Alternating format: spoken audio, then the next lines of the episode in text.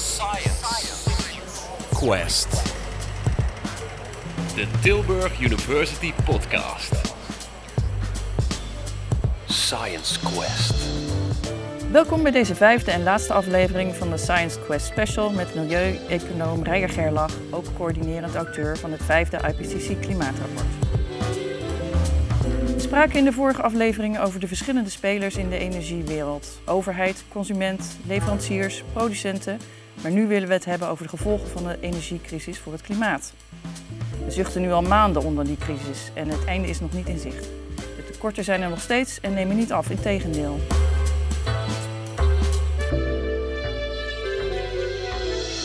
Hoe somber moeten we nou eigenlijk zijn over de toekomst, Rijer? Hoe beïnvloedt de crisis het klimaat en de energietransitie? Ehm, ik denk dat het uh, klimaat uh, het enige is die zeker op zich voortleeft bij deze energiecrisis. En uh, dat is wel een beetje pijnlijk om dat te moeten toegeven. In de zin van wetenschappers zeggen al sinds de jaren negentig dat we grote klimaatproblemen aankomen, dat, dat grote klimaat, klimaatproblemen eraan komen, dat we maatregelen moeten nemen. Ja. Dat we minder fossiele brandstoffen moeten gebruiken. Dat hebben we echt gewoon jaar op jaar hebben we dat herhaald. Ja. En dat bleef altijd maar heel langzaam gaan. en nu is er oorlog in Oekraïne. het goede nieuws is, nu zijn we echt heel serieus bezig met onze afhankelijkheid van fossiele brandstoffen te verminderen. Ja. Het idee was vaak dat, uh, dat was ook gepromoot door de fossiele brandstofindustrie, door Shell bijvoorbeeld, om gas te gebruiken als een soort van overgangstechnologie mm. tussen steenkolen, olie en hernieuwbaar. Omdat en, het minder vervuilend zou zijn? Ja, minder klimaatverandering zou geven. En nu opeens wordt gas uh, is ons uit handen geslagen als oplossing. Mm En uh, het gevolg is dus dat we versneld de echte grote, de leap, de sprong moeten maken naar hernieuwbare energie, inclusief alle problemen. Dus mm -hmm. de problemen die tot nu toe in zeker op zich op de tekentafel lagen, uh, de opslag van hernieuwbare energie, tussen zowel zomer als winter, dat is een groot vraagstuk, als binnen een dag. Dus als de zon schijnt op een dag of als de zon niet schijnt op een dag. Mm um, dat probleem, daarvan dachten we eerst dat we daar nog wel twintig jaar voor hadden om dat probleem op te lossen. Mm -hmm. uh, en daarvan moeten we nu concluderen dat we dat eigenlijk moeten oplossen in de komende vijf jaar. Ja, ja. En um, dat is een groot probleem. Maar de andere kant is dat we zeggen, uh, als econoom zeggen we, het is ook een uitdaging. Mm -hmm. En we weten dat de markt heel goed werkt als er een duidelijke uitdaging is.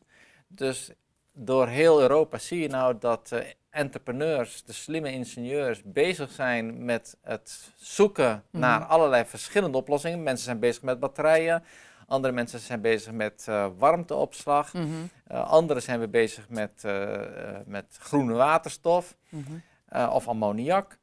En het mooie is eigenlijk dat bij de huidige prijzen al die ideeën opeens winstgevend zijn. Dus terwijl tot een jaar geleden uh, dit allemaal kleine pilots waren die mhm. door uh, wetenschappers uh, werden uitgevoerd, mm -hmm. is het nu opeens zo dat bedrijven denken: hé, hey, als wij dit voor elkaar krijgen, dan kunnen wij over vijf jaar kunnen wij daar veel winst mee maken. Ja, ja, ja. Dus wij zetten daarop in. Dus mijn verwachting is dat we nu een enorme versnelling zien. een enorme stimulans. Van de innovaties. En als wetenschapper denk ik dat we over een paar jaar, zou ik maar zeggen, patenten gaan tellen. Want dat doen wetenschappers graag, hè, tellen. en dan tellen we patenten naar, uh, naar opslagtechnologie. En dan zien we dat uh, na de oorlog in Oekraïne het aantal patenten opeens enorm toenam. Ja. Uh, het aantal uitvindingen, het aantal verbeteringen, ja. vernieuwingen, innovaties. Ja. Dat, dat, dat gaat veel sneller. En dat je dus dan, dat hoop ik, uh, maar ik denk dat we wel redelijk uh, uh, ervaring hebben dat die hoop niet helemaal valse hoop is, dat er wel mm -hmm. redelijk ook wat kans op is. Mm -hmm. dat Europa een voortrekker wordt. Mm -hmm.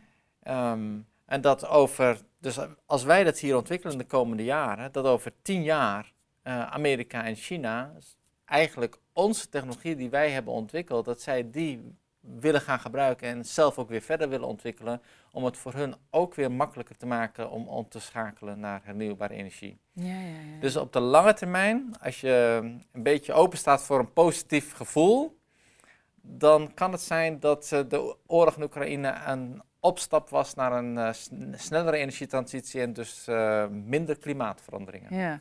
Dus je is echt eigenlijk nog even doorbijten en hopelijk wordt het dan beter.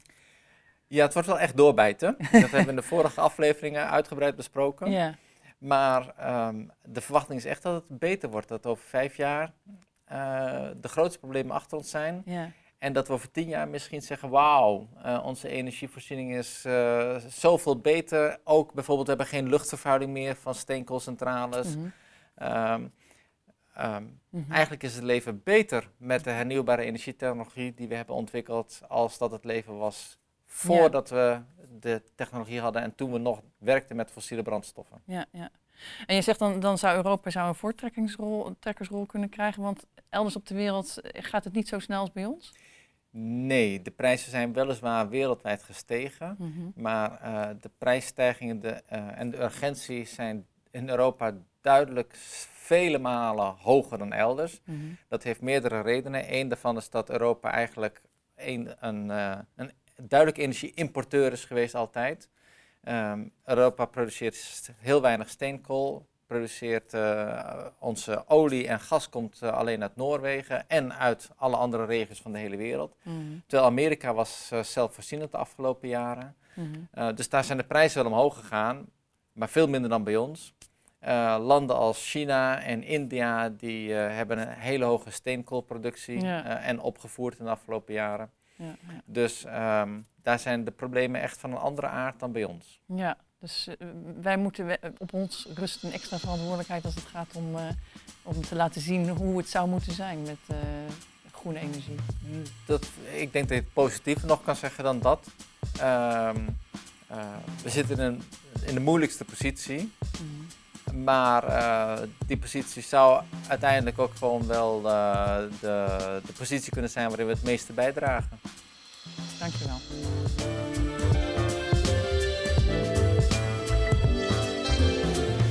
Hartelijk dank voor het luisteren. Dit was de laatste van een serie van vijf afleveringen met hoogleraar Milieueconomie Rijer Geerlach in het kader van de Klimaatweek. Heb je afleveringen gemist? Kijk dan op www.tilburguniversity.edu onder Science Quest. Hopelijk tot gauw.